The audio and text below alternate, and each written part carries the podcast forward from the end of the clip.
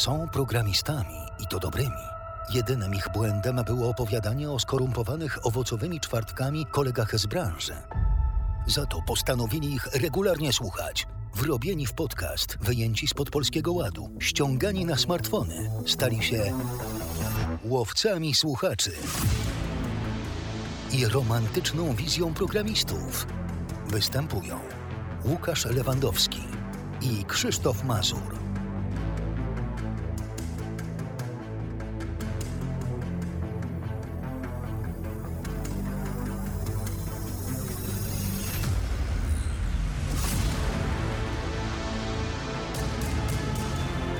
Systemy kontroli wersji to nieodłączny element życia i pracy programisty. Narzędzie, które niejednokrotnie uratowało wiele godzin pracy, pozwoliło zaczerpnąć wiedzy bezpośrednio od twórców wtyczek, bundli, pluginów, frameworków. Czy są jakieś alternatywy? W jaki sposób tworzyło się kod bez tego wsparcia? Czy nasze repozytoria mogą być swoistą witryną sklepową dla innych twórców, dla przyszłych zleceniodawców lub pracodawców? Jak zacząć i gdzie szukać wiedzy na ten temat? Z pewnością warto zacząć od tego odcinka. Zapraszamy do słuchania. Dzisiaj porozmawiamy o systemach kontroli wersji, więc pozostając w temacie, zrobię Ci system kontroli wiedzy. To czym jest w zasadzie ten system kontroli wersji? E, a jak odpowiem, że to jest takie podstawowe narzędzie pracy, to będzie dobra odpowiedź? Myślę, że będzie dobra, bo mm, nie chciałbym, żebyśmy używali w naszych odcinkach definicji książkowych, a bardziej takich, których możemy sobie krótko odpowiedzieć, czym coś jest i jak to rozumiemy. No dobra, czyli podstawowe narzędzie pracy programisty w zespole, a nawet jak, jak robisz coś samodzielnie, to też warto y, z tego korzystać, tego narzędzia, czyli coś, co pozwala nam kontrolować proces zmian, ogólnie zmiany, które wprowadzamy kodzie no, w czasie. Okej, okay, a czy tylko w kodzie? No nie wiem, no, to nie musi być tylko kod, zgadza się. Ale dla programisty będzie to przeważnie kod. Może to mogą to być pliki konfiguracyjne, dokumenty tekstowe. No, bo przyznam, jak, że jak dzisiaj się przygotowywałem do, do odcinka, to zacząłem się zastanawiać, czy tylko do kodu, i tak sobie pomyślałem, dokumentacja i, wer i wersjonowanie. Może to, to jest też jakiś kierunek? Jak najbardziej. No, jest ogólnie wszystko, co jest dokumentem tekstowym. A praca programisty to przeważnie praca z takim dokumentem tekstowym, którym jest kod. W jaki sposób rozpocząć pracę systemem kontroli wersji. W jaki sposób? No na pewno potrzebujemy oprogramowania na Twoim komputerze. Czy to będzie Git, czy, czy, czy coś innego. No, generalnie chyba znaczna część to programistów, zespołów y, programistycznych używa Gita. To już nawet jest taki synonim kontrola wersji, to Git, tak? Tak się mówi. Co, co wcale nie jest takie oczywiste. Nie, nie jest, no bo Git y, wbrew pozorom y, na rynku pojawił się y, stosunkowo niedawno, bo chyba w 2005 roku i, i, i był mm, wprowadzony przez, czy, czy stworzony przez pana Torwaldsa jako narzędzie, które pomagało mu właśnie w, w rozwoju kernela Linuxowego. E, wcześniej, wcześniej używali jakiegoś innego oprogramowania, które chyba stało się płatne i w związku z tym zdecydowano się właśnie na opracowanie jego e, rozwiązania typu open source e, darmowego. No i tak powstał Git. Stał się mega popularny, bo był bardzo szybki w porównaniu do istniejących rozwiązań.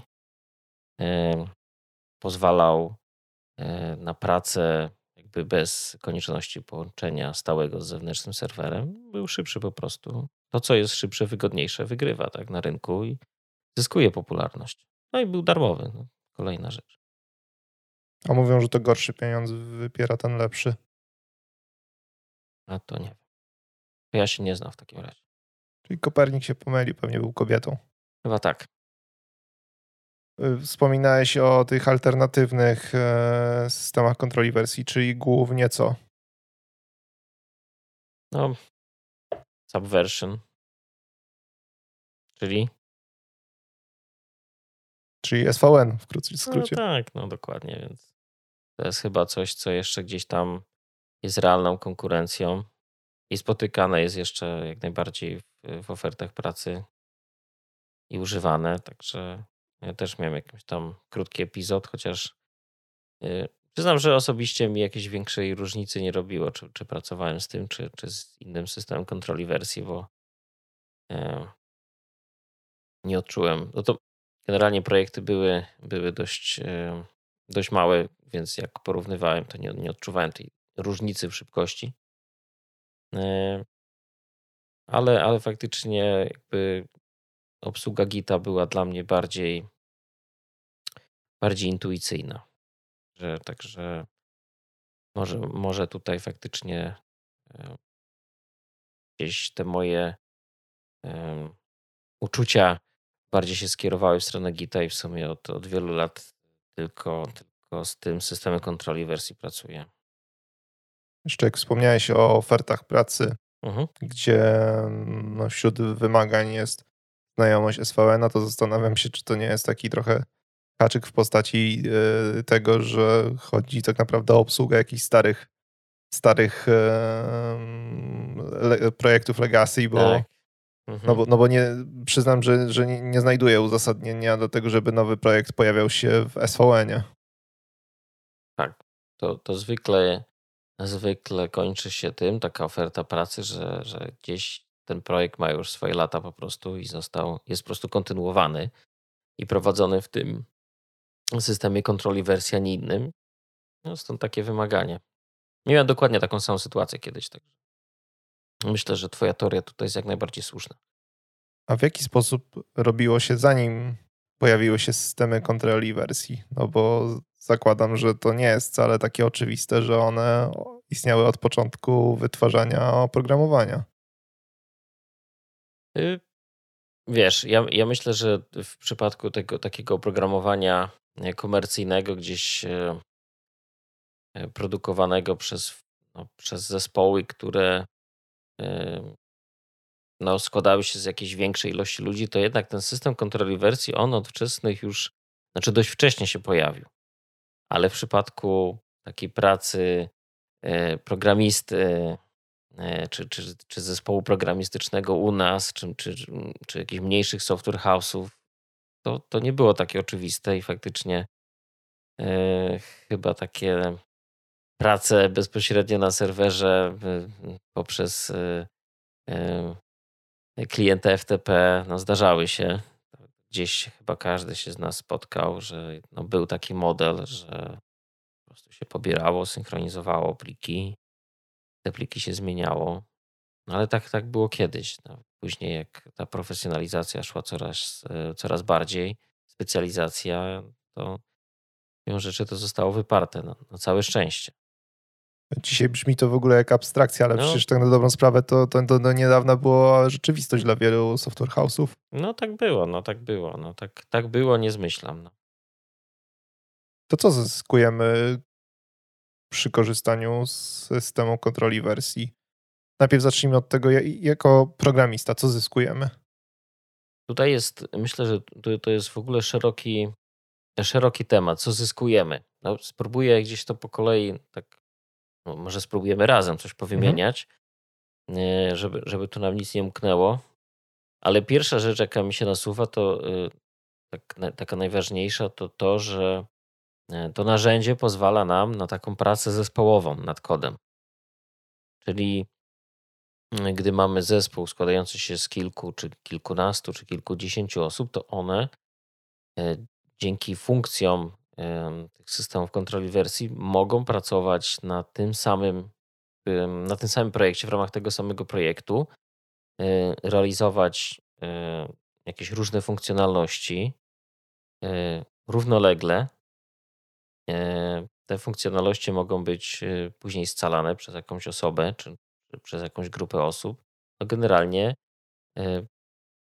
wiele osób może pracować z tym samym kodem i unikamy takiej sytuacji, że jeden drugiemu mm, ten kod, y, jeden, jeden programista drugiemu programiście ten kod nadpisuje. To wszystko można śledzić, każdą zmianę, panować nad tymi zmianami, nad ewentualnymi konfliktami,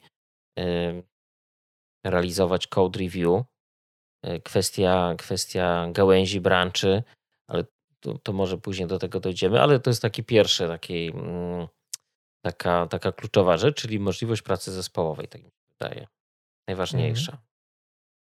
Kolejną, którą bym wymienił, to możliwość pracy nad y, kilkoma udoskonaleniami na wielu gałęziach jednocześnie, w ramach, w ramach jednej instancji y, aplikacji. Możemy sobie na, na jednym branchu odłożyć coś, potem wrócić do tego głównego, do tego głównego źródła, do, do, do mastera mhm. tak zwanego. I to wszystko nadal dzieje się w ramach jednej aplikacji. Możemy się przełączać między, między można powiedzieć, kontekstami tej aplikacji e, i, i dość dobrze panować nad jej rozwojem. Tak, tutaj e, doprecyzujmy, że mówimy oczywiście o repozytorium, jeśli chodzi o takie miejsce właśnie, gdzie, e, gdzie Mm, trzymamy ten, jakieś takie główne miejsce, gdzie trzymamy ten kod i faktycznie w ramach tego repozytorium mamy kilka, możemy mieć dowolną liczbę branchy, branchy funkcjonalnych, czy takich feature branchy, gdzie, gdzie właśnie coś tam sobie równolegle rozwi rozwijamy i później, i później to wszystko możemy do tego master brancha po wcześniejszym code review zmerdżować, czyli scalić tak, żeby może objaśnić to, jak ktoś jest e, fanem Marvela, to teraz mamy obecnie do czynienia z multiversum, więc te branże to trochę jest takie multiversum, różne o, wersje aplikacji. O, dobre, to było dobre. Oglądałeś? Yy, Spidermana, tak, ale teraz się za chwilę pojawi Doctor Strange. Tak, tak, no ja też czekam. Okay.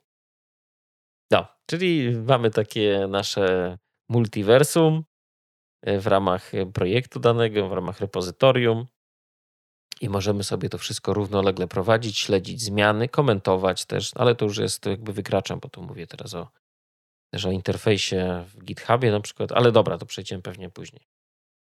Mhm. Z kolejnych korzyści, które mam w głowie, no to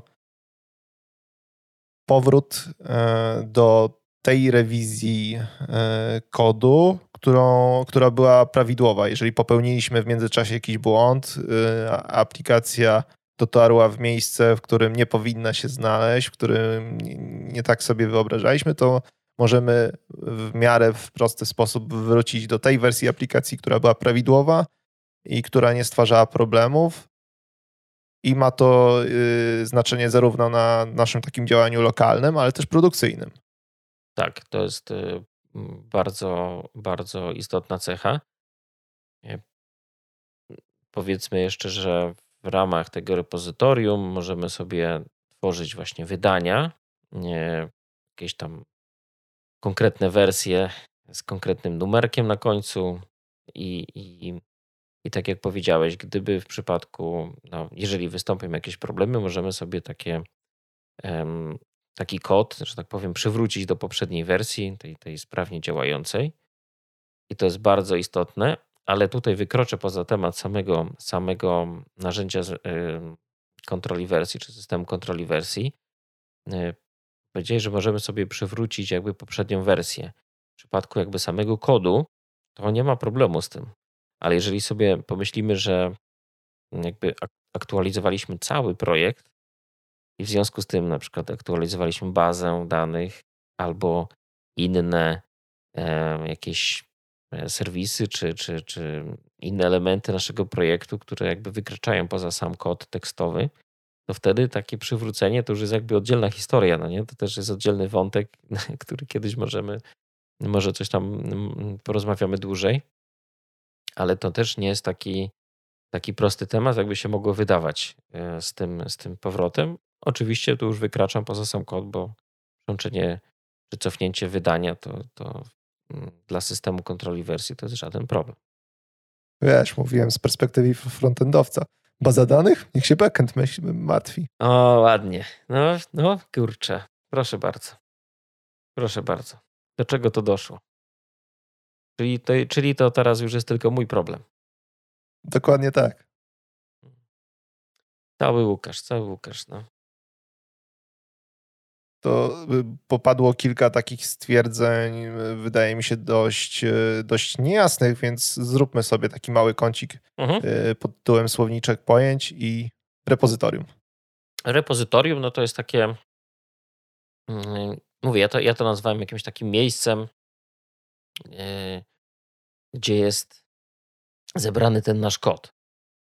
I to jest takie repozy znaczy repozytorium, czyli takie centralne miejsce, ja, ja bym to w ten sposób określił, gdzie e, mamy zebrany ten nasz kod aplikacji i e, deweloperzy, programiści, którzy do tego naszego projektu dołączyli, mogą sobie z tego mm, repozytorium ten, ten projekt pobrać. No zwykle to wygląda tak, że to jest repozytorium jest ulokowane gdzieś na takim serwerze ogólnodostępnym, oczywiście chronionym, ale każdy jakby ma do tego dostęp y, przez internet. No też może być sytuacja, że to może być jakieś yy, yy, lokalne repozytorium, ale w większości przypadków jest to gdzieś, gdzieś ulokowane na serwerze i każdy deweloper, który, który dołącza do projektu, po prostu sobie robi, klonuje sobie takie repozytorium lokalnie, tworzy lokalne brancze, takie gałęzie i na tych gałęziach sobie pracuje. Okej, okay. no to rozszerzmy to gałęzie, brancze. No tak, czyli gałęzie, gałęzie występują w obrębie właśnie repozytorium i umożliwiają e, pracę, równoległą pracę nad różnymi e, funkcjonalnościami czy elementami aplikacji. No, równolegle, to, to czym powiedziałeś. E, każdy programista czy jakiś zespół w ramach w ramach takiego feature brancha, czyli takiego no, jakiegoś funkcjonalnego brancha czy, czy funkcyjnego e, pracuje i yy, może później te zmiany sobie scalić. Scalić, czyli, czy, czyli no, co zrobić? No, czyli mm, zmerdżować, teraz powiem w odwrotną stronę. Właśnie to chciałem, to chciałem od, od ciebie usłyszeć. Czyli zmerdżować, scalić, yy, czyli generalnie sp sprowadzić, czy, czy przejść do takiej sytuacji, że te wszystkie e, zmiany w kodzie, które mieliśmy na tych, na tych równolegle, równolegle istniejących branczach, żeby je scalić ze sobą i ulokować w, e, no, w ramach takiego głównego brancha, czyli zwykle to jest master czy main, no zależy jak to teraz to nazywa, żeby tutaj nie było, było z tym masterem trochę takich, no wiadomo o co chodzi, zwał jak zwał, to ta nazwa może być dowolna, no, ale generalnie mm, scalamy te nasze zmiany. Jeżeli są oczywiście, no, one działają, są sprawdzone, no to sprowadzamy je jakby mm, y, do takiego głównego, głównego brancha, głównej gałęzi, z którego później, z której, z której tej gałęzi możemy takie wydania już produkcyjne tworzyć. Wspomniałeś, że repozytorium możemy przechowywać na jakimś e, serwerze. Czyli w zasadzie gdzie? E, istnieją jakieś takie ogólne miejsca, gdzie możemy to repozytorium przechowywać? Czy to bardziej chodzi o infrastrukturę w firmie? No, może być też w firmie, tak, ale zwykle wygląda to tak, że korzysta się z serwisów, e, no nie wiem, no publicznie dostępnych, tak, tak to można powiedzieć.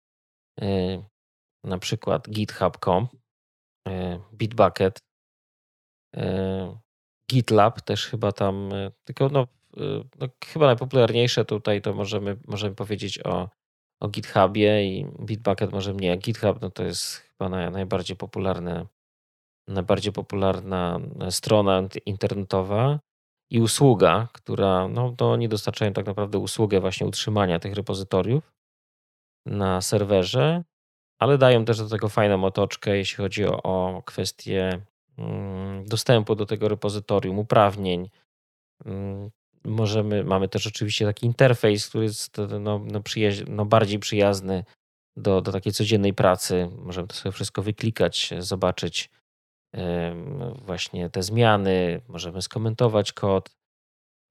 No oczywiście to też kosztuje, ale w przypadku projektów niekomercyjnych utrzymanie takiego repozytorium jest darmowe.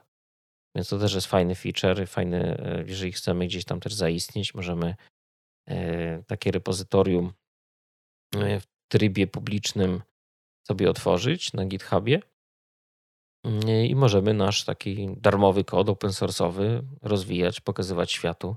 Może ktoś nas zobaczy.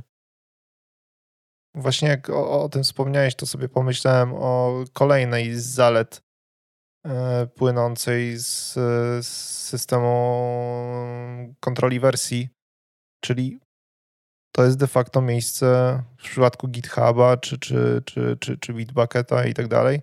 To jest miejsce do promowania naszego kodu, naszej działalności, bo niejednokrotnie jest czy w ofertach pracy propozycja zamieszczenia e, linka do naszego profilu na GitHubie, no bo to tam, jak wspomniałeś o tej otoczce, to ona się też wiąże z tym, że, że być może ktoś tam te nasze nasze wytwory, wytwory naszej e, wyobraźni e, zasubskrybował, czy, czy dał im gwiazdkę. I też można zobaczyć, czy, czy my sami się udzielamy w, w innych projektach. No, świetne miejsce, żeby się pokazać.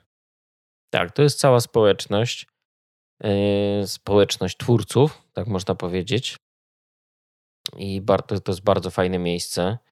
Yy, też można dzięki temu właśnie nawet takie bez, bezpośrednie, bezpośrednie oferty pracy dostać. Jeżeli ktoś zobaczy, że yy, udzielaliśmy się właśnie no, w ramach tej społeczności open source, yy, komitowaliśmy, braliśmy udział w rozwoju jakiegoś projektu, mieliśmy jakiś swój wkład, no mm, wtedy te wszystkie informacje o wprowadzonych zmianach są publiczne, podpisane czy powiązane z autorem, jakimś tam nikiem, czyli imieniem i nazwiskiem, jak tam kto woli. I dzięki temu później faktycznie można taką ofertę dostać od firmy, która na przykład doceni jakość naszego kodu. Twierdzi, że no kurczę, fajny, fajny kod y, y, ktoś zrobił. Y, może odezwiemy się do niego, może, może chciałby dla nas coś poprogramować. Mm. Myślę, że GitHub to jest, to jest cała, taka, cała taka społeczność i to jest bardzo fajne. Też jest kwestia mm, możliwości zgłaszania błędów do, do, do naszej aplikacji, czyli issues, ulubione, mój, mój ten ulubione. Jak, to, jak, jak słyszę, to po prostu zawsze mam, zawsze mam bekę issue. Ktoś może nowe issue zgłosić jakiś problem do naszego kodu. Yy, możemy oczywiście e, takiej osobie pomóc, yy, albo możemy nic nie odpisać, jeżeli już się tym projektem Zdać nie się na innych. Zdamy się na innych, tak. Niech mu ktoś inny pomoże. Ale to jest jakby kolejny, mm, kolejna funkcjonalność bardzo fajna GitHuba yy, i też w przypadku takich publicznych repozytoriów dostęp do tej, do tych listy problemów i do dyskusji ma każdy, więc e, jeżeli mamy jakiś problem z naszą biblioteką, e, z której korzystamy na przykład w ramach naszego projektu i ona, ona jest publicznie dostępna, to możemy sobie takie pytanie gdzieś tam wrzucić, jeżeli mamy, mamy problem, albo, albo poszukać gotowej odpowiedzi wśród e, listy zgłoszonych już wcześniej problemów. Tak, bo to jest świetne miejsce, żeby móc się skontaktować z autorem jakiegoś pluginu, bundla, wtyczki. Tak. E, ja przyznam, że niejednokrotnie siedziałem na tych issues, e, bo czy to dokumentacja była na tyle niepełna, mhm. że nie pozwalała odgadnąć, e, jak rozwiązać dany problem, albo była um, czasami nawet nieprawidłowa, bo coś się zmieniło w międzyczasie w kodzie i, I w ogóle to odgadywałem, co się zmieniło na podstawie release'ów, bo, bo okazało się, że w tym momencie, w tym momencie e, dokumentacja jeszcze nie nadążała za rozwojem oprogramowania, no bo autor skupił się głównie na rozwoju kodu, mhm. e, dokumentacji zaniedbał. No i naprawdę to był, to jest takie miejsce, które w zasadzie pozwala uniknąć siedzenia nie wiadomo jakiej ilości godzin nad tym, żeby rozwiązać problem, bo może się okazać, że ktoś już go napotkał i, i, i będziemy w stanie w miarę sprawnie znaleźć rozwiązanie tego problemu. Y, tak, w ramach, w ramach ciekawostki tutaj kwestia y, bodajże Allegro używało GitHuba jako kanału do komunikacji z, y, w kwestiach w kwestiach API, tutaj przykozacze API. Jeżeli ktoś miał właśnie jakiś problem z, z ich API czy z jakimś endpointem, to mógł, mógł sobie w ramach E, takiego publicznego repozytorium e, zgłosić e, no, nowy problem, czy, czy dołączyć do istniejącej już dyskusji i, i w ten sposób był, mm, był ten kontakt jakby z autorem, czyli, czyli z Allegro tutaj realizowany. Także, także też jakby ciekawy sposób wykorzystania w ogóle mm, GitHuba i tych publicznych repozytoriów. Ja w przypadku GitHuba cenię sobie jeszcze to, że w bardzo łatwy sposób umożliwia publikację paczek NPM-owych, ponieważ mhm. GitHub jest właścicielem NPM-a. Bardzo, naprawdę bardzo sobie to cenię, bo mamy cały czas dostęp do y, wersjonowania tych paczek i publikacja jest dużo, dużo łatwiejsza niż to było w przypadku samego NPM-a. No i nadal mamy tą kontrolę wersji w ramach jednego systemu, a jednocześnie możemy bez problemu publikować paczkę. A kto jest właścicielem GitHuba, jak już tak powiedziałeś o, NPM, o NPM-ie? Microsoft, z tego co pamiętam, całe zło mhm. internetu i świata IT. Mhm. Tak. Nie ale chyba, ale chyba. chyba. nie zdarzyło się nic strasznego nie, z tym GitHubem, nie? nie? Odkąd był, ich przejęli? Miał być taki ten. Miał być dramat, a jednak jakoś tam. Jakoś tam to wszystko funkcjonuje chyba nieźle. A jak z tymi cenami za korzystanie z GitHuba? Jak tak korzystamy sami, to e, cenowo wychodzi jakoś słabo, dobrze, czy zasadniczo możemy opierać się na darmowej wersji i spokojnie sobie damy radę? No i teraz, teraz przyznam, że yy, chyba nie jestem na bieżąco z tymi cenami, ale w przypadku takiego yy, pojedynczego programisty, to on, on nie musi nic płacić, bo kiedyś nie można było chyba tworzyć nawet prywatnych repozytoriów y, na GitHubie bez y, opłaconego konta. Teraz jest to możliwe. Więc y, myślę, że dla takiego dla takiej pojedynczej osoby to najbardziej takie, takie darmowe konto wystarczy. A w przypadku większych zespołów to jest naliczane już od, od tak zwanego siedzenia chyba, tak? Czy od stanowiska. Mhm. Więc ale myślę, że, że tutaj pewnie masz uszykowane te ceny i mi tutaj e, zaraz je fajnie przytoczysz. No nie przytoczę, ale Aj. przyznam się, że y, mam premium. Tylko teraz zacząłem się zastanawiać, dlaczego mam, ale mam cichą, ciche przeczucie, że, że to ma to powiązanie z GitHub Actions i, i chyba limitami tam płynącymi z tego, co można na GitHub Actions zrobić. No to od razu może wyjaśnijmy, czym w ogóle jest to GitHub Actions. No, to słucham, są, słucham, słucham. No, no to jest y, takie świetne narzędzie, które GitHub wprowadził chyba wzorem Bitbucketa, bo wydaje mi się, że Bitbucket był pierwszy, mhm. pozwalające po jakichś zdarzeniach na tym, na, na tym rzeczonym GitHubie wykonać ciąg y, instrukcji w ramach, w ramach e, naszej aplikacji, czy, czy, czy, czy też na naszym serwerze. W skrócie, możemy sobie pozwolić na przykład na coś w stylu małego C i CD. Ale małego. Małego, tak, no bardzo uproszczonego, no ale jak rozmawiamy o takich e, prywatnych e, solo programistach, to myślę, że narzędzie absolutnie wystarczające, szczególnie, że dostajemy całe logi, całe powiadomienia i, i wydaje mi się, że to jest e, rozwiązanie w zupełności w większości przypadków wystarczające. Oczywiście podałem tylko ten przykład CICD, bo akurat w swoim przypadku w taki sposób tego używam, ale tych mhm. E, elementów, które, z których możemy korzystać, to przecież jest od groma, bo, bo może nawet służyć nam do testów.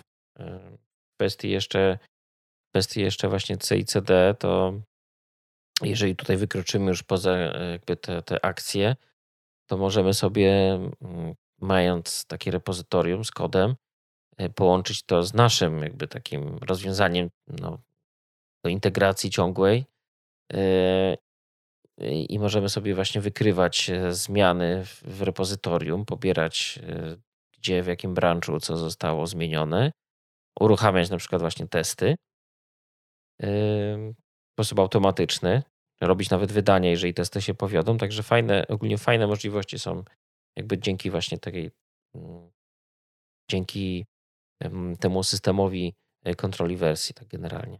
Kolejny taki mm, dość, taka kolejna istotna cecha, jakby dlaczego warto e, z tego systemu kontroli wersji korzystać. To jakby pośrednio nam daje dostęp do kolejnych e, udogodnień w pracy. Spróbujmy sobie tak uporządkować trochę E, wiedzę, która płynie z dzisiejszego odcinka i spróbujmy odpowiedzieć na pytanie, jak zacząć, co zrobić i jak mniej więcej powinno wyglądać to flow pracy z, z no, założymy, że tutaj z GitHubem. Dostajemy, mamy repozytorium w pracy. A już mamy, już dostaliśmy. Tak, już jest w pracy repozytorium, super. Przyszliśmy jako, jako świeży, zieloni programiści. Każą nam, ale każą nam z tym pracować, ale nie wiemy jak, nie, nie powiedzieli w ogóle nic. I... Jak? Nic nie powiedzieli? Nie było onboardingu żadnego? Nic? A, powiedzieli, kurde, trochę naściemniałeś w CV, no Aha. i wyszło jak wyszło. Aha, czyli, czyli dobra, czyli ja robiłem na FTP wcześniej te zmiany, tam się synchronizowałem, teraz dostaję gita i co zrobić? Nie wiem, wpisuję, w, jak to mówią, w goglach e, e, ten, w internetach e, git pierwsze kroki, co zrobić, jak żyć i, i, i szukam, ale no mówię, pierwsze, pierwsze co, to no, zakładamy, że pracujemy na jakimś liduchu, tak, lokalnie. Mhm. No to co, musimy sobie tego gita zainstalować lokalnie, żeby móc e, to repozytorium, które pracodawca nam przygotował, no, żeby sobie lokalnie to repozytorium podpiąć.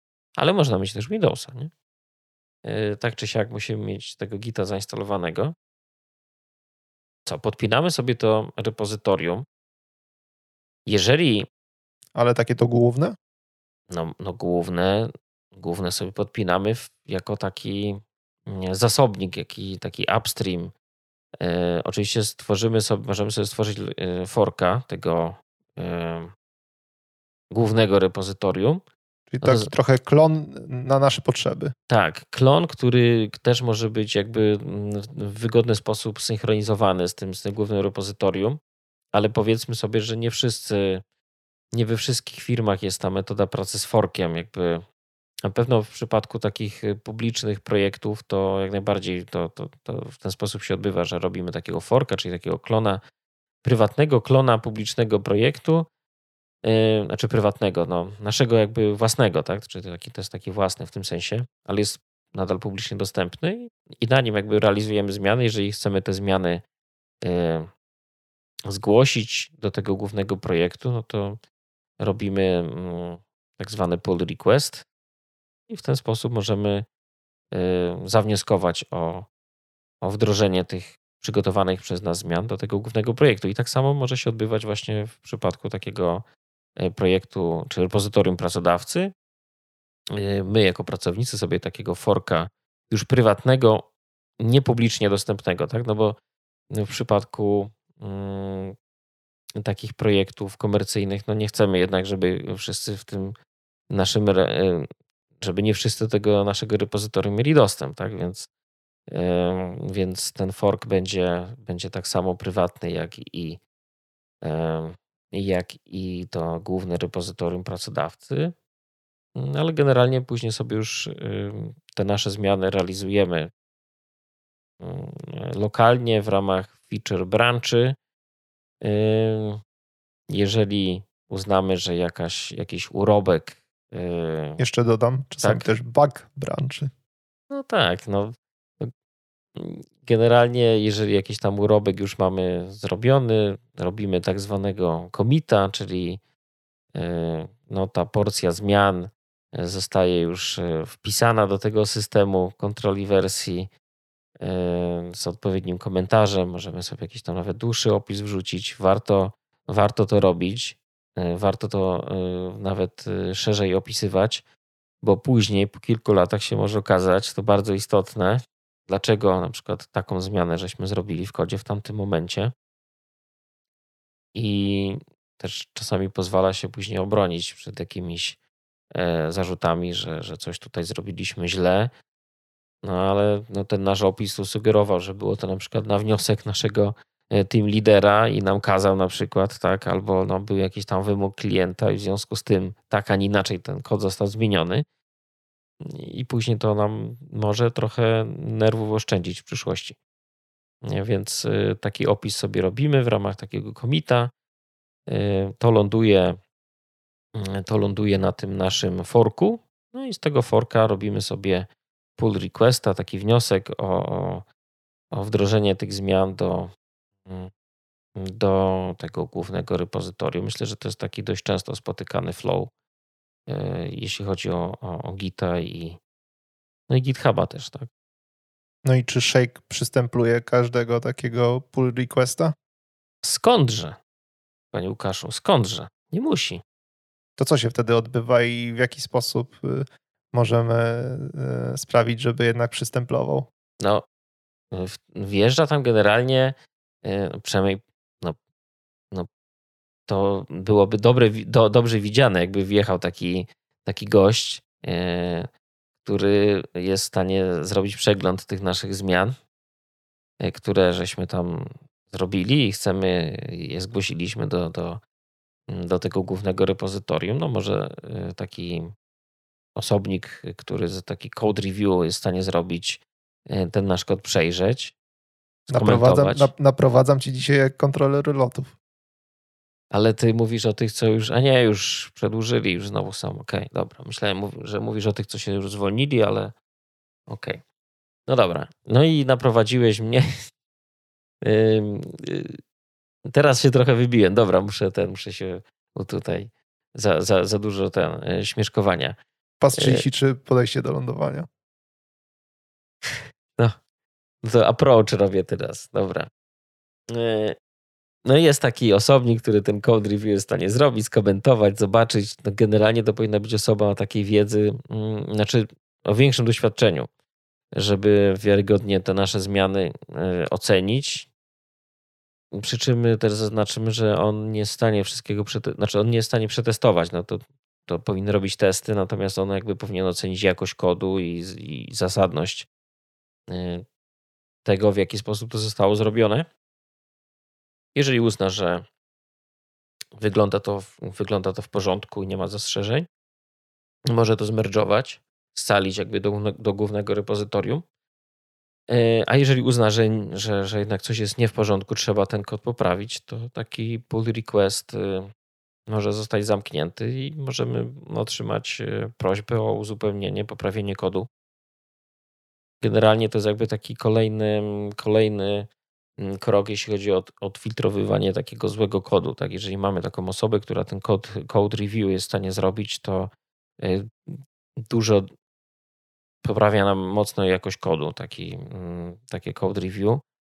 To też jest, działa też y, psychologicznie na osobę, która robi takiego pull requesta, bo ona wie, że tam ktoś to sprawdzi, siądzie, przejrzy.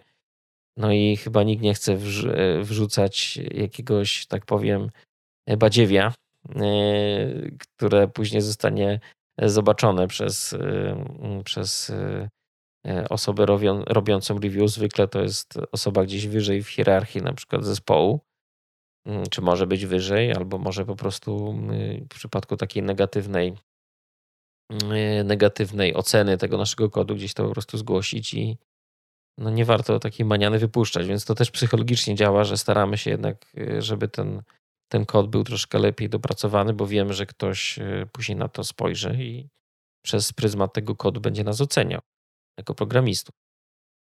No to ma dwie filozoficzne postawy, bo i, e, i takie psychologiczne, bo, bo jeżeli, bo z jednej strony właśnie mówisz, że że myślimy o tym, że zostaniemy przez kogoś ocenieni, ale z drugiej strony też daje taką wolność bo mamy jednak tą barierę, że, która sprawi, że to niebezpieczeństwo wystawienia jakiegoś syfu się zmniejsza, no bo jest ta, ta, ta, ten drugi poziom, tak, który, który w jakiś sposób tam weryfikuje te nasze rozwiązania.